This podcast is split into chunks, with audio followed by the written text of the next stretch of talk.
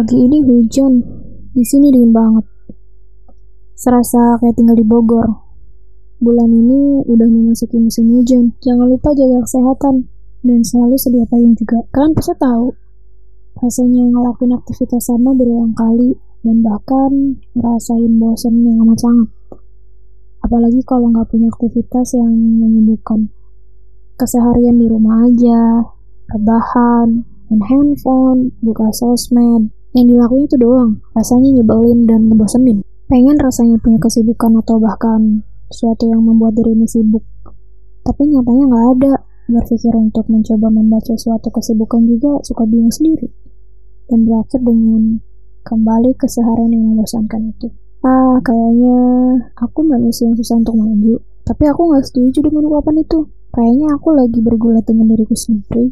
Aku sedang berusaha membuat suatu kesibukan, walaupun memang tidak seharian yang membuat perhatianku teralih.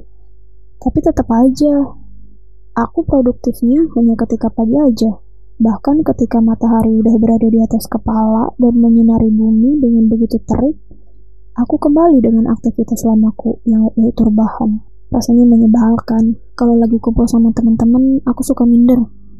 Mereka selalu membicarakan kesibukan mereka, Sedangkan aku gak bisa membuka mulutku. Rasanya menyebalkan memang. Aku selalu berpikir, apakah aku ini dikutuk atau bagaimana?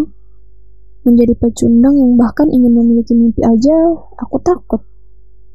Hidup itu memang sulit, dan tambah sulit ketika aku menjadi seorang pecundang. Pernah mencoba membaca quotes-quotes motivasi dan bahkan menonton video di YouTube untuk bisa memotivasi hidup. Tapi nyatanya nihil. Bahkan nggak ngomong sama sekali. Pernah juga cerita sama teman, tapi nggak ada solusi yang didapat. Ya karena dia pun sama sepertiku. Yang aku tanyakan, adakah orang yang sama denganku? Seperti ini. Sama dengan keadaan yang sama, dan merasakan apa yang aku rasakan.